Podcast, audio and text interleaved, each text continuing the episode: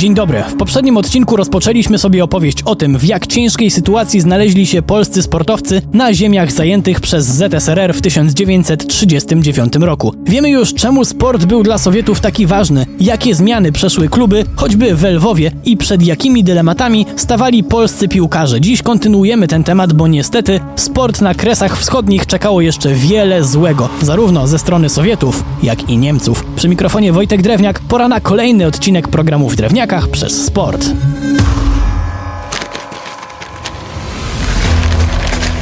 Nasze poprzednie spotkanie, którego oczywiście odsłuchać można w archiwum na stronie Radia Lublin, zakończyliśmy na próbach usprawiedliwienia tego, że wielu Polaków pozostawało w radzieckich klubach, żeby ratować siebie i najbliższych. Za przykład posłużył nam legendarny Kazimierz Górski, ale takich piłkarzy było wielu. Na przykład Michał Matias znał swoją wartość tak dobrze, że zgodził się na transfer do Dynama Kijów tylko w wypadku, jeśli jego rodzina nie pojedzie na Sybir. Na szczęście się udało. Z innych świetnych sportowców karierę na kresach zdecydował się kontynuować na przykład jeden z najwybitniejszych polskich sportowców w dziejach, olimpijczyk z 1924 roku, Wacław Kuchar. Przy czym on pracował jako trener Dynama Lwów, w którym występowali jego koledzy jeszcze z przedwojennych lat pogoni. Fakt, jeśli jakiś zawodnik decydował się na kontynuowanie zawodowej kariery w nowym ustroju, to nie tylko ratował życie swoje i swoich najbliższych, ale miał też w wielu kwestiach łatwiej, zwłaszcza jeśli był to zawodnik osiągający sukcesy. Jednak jak to w życiu, a już na bank w komunizmie bywa, nic za darmo.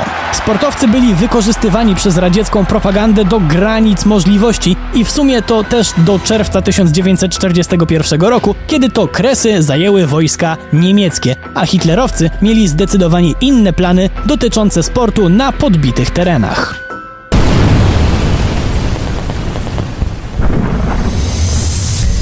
Niemcy natychmiast pozamykali kluby, żadnego sportu poza niewielkimi wyjątkami, o których koniecznie musimy sobie opowiedzieć. W 1941 roku udało się zorganizować pływackie starcie reprezentantów Lwowa i Wrocławia, ale jeszcze ciekawszy był mecz piłkarski z 2 lipca 1942 roku. Naprzeciwko siebie stanęły reprezentacja Lwowa i drużyna Kochna. Co to była za ekipa ci drudzy? Nie byle jaka, bo tworzyli ją przedwojenni piłkarze z Niemiec, Austrii i Węgier. Co prawda ekipa z Lwowa zorganizowana przez Wacława Kuchara nie miała się czego wstydzić, ale oni nie mieli tak dobrych warunków choćby do treningu, no i presja była na wielu poziomach. Zresztą oddajmy głos Kazimierzowi Górskiemu, który w tym meczu też grał i rzuca na te wydarzenia wiele światła.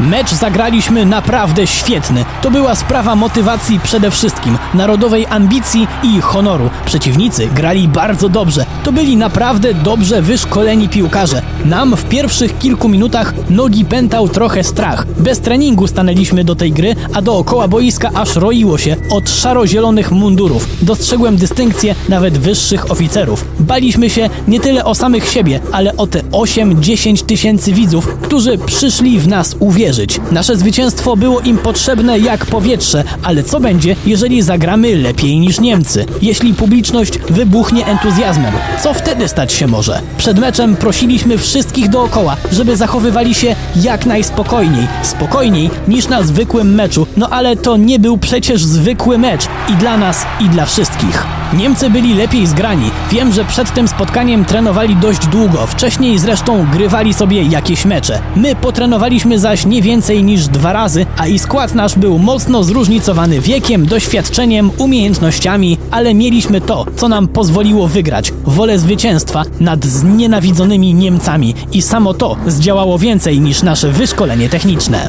Czasy niemieckiej okupacji miały jednak minąć, bo latem 1944 roku Kresy, w tym również oczywiście Lwów, znowu znalazły się pod rządami Stalina. I cała karuzela zaczęła się od początku. Tworzenie radzieckich klubów na bazie dawnych polskich, dawanie zawodnikom propozycji nie do odrzucenia i stopniowe odradzanie się tam sportu, który już jednak nigdy, niestety, w granice Polski nie powrócił. Przy mikrofonie był Wojtek Drewniak. Do usłyszenia.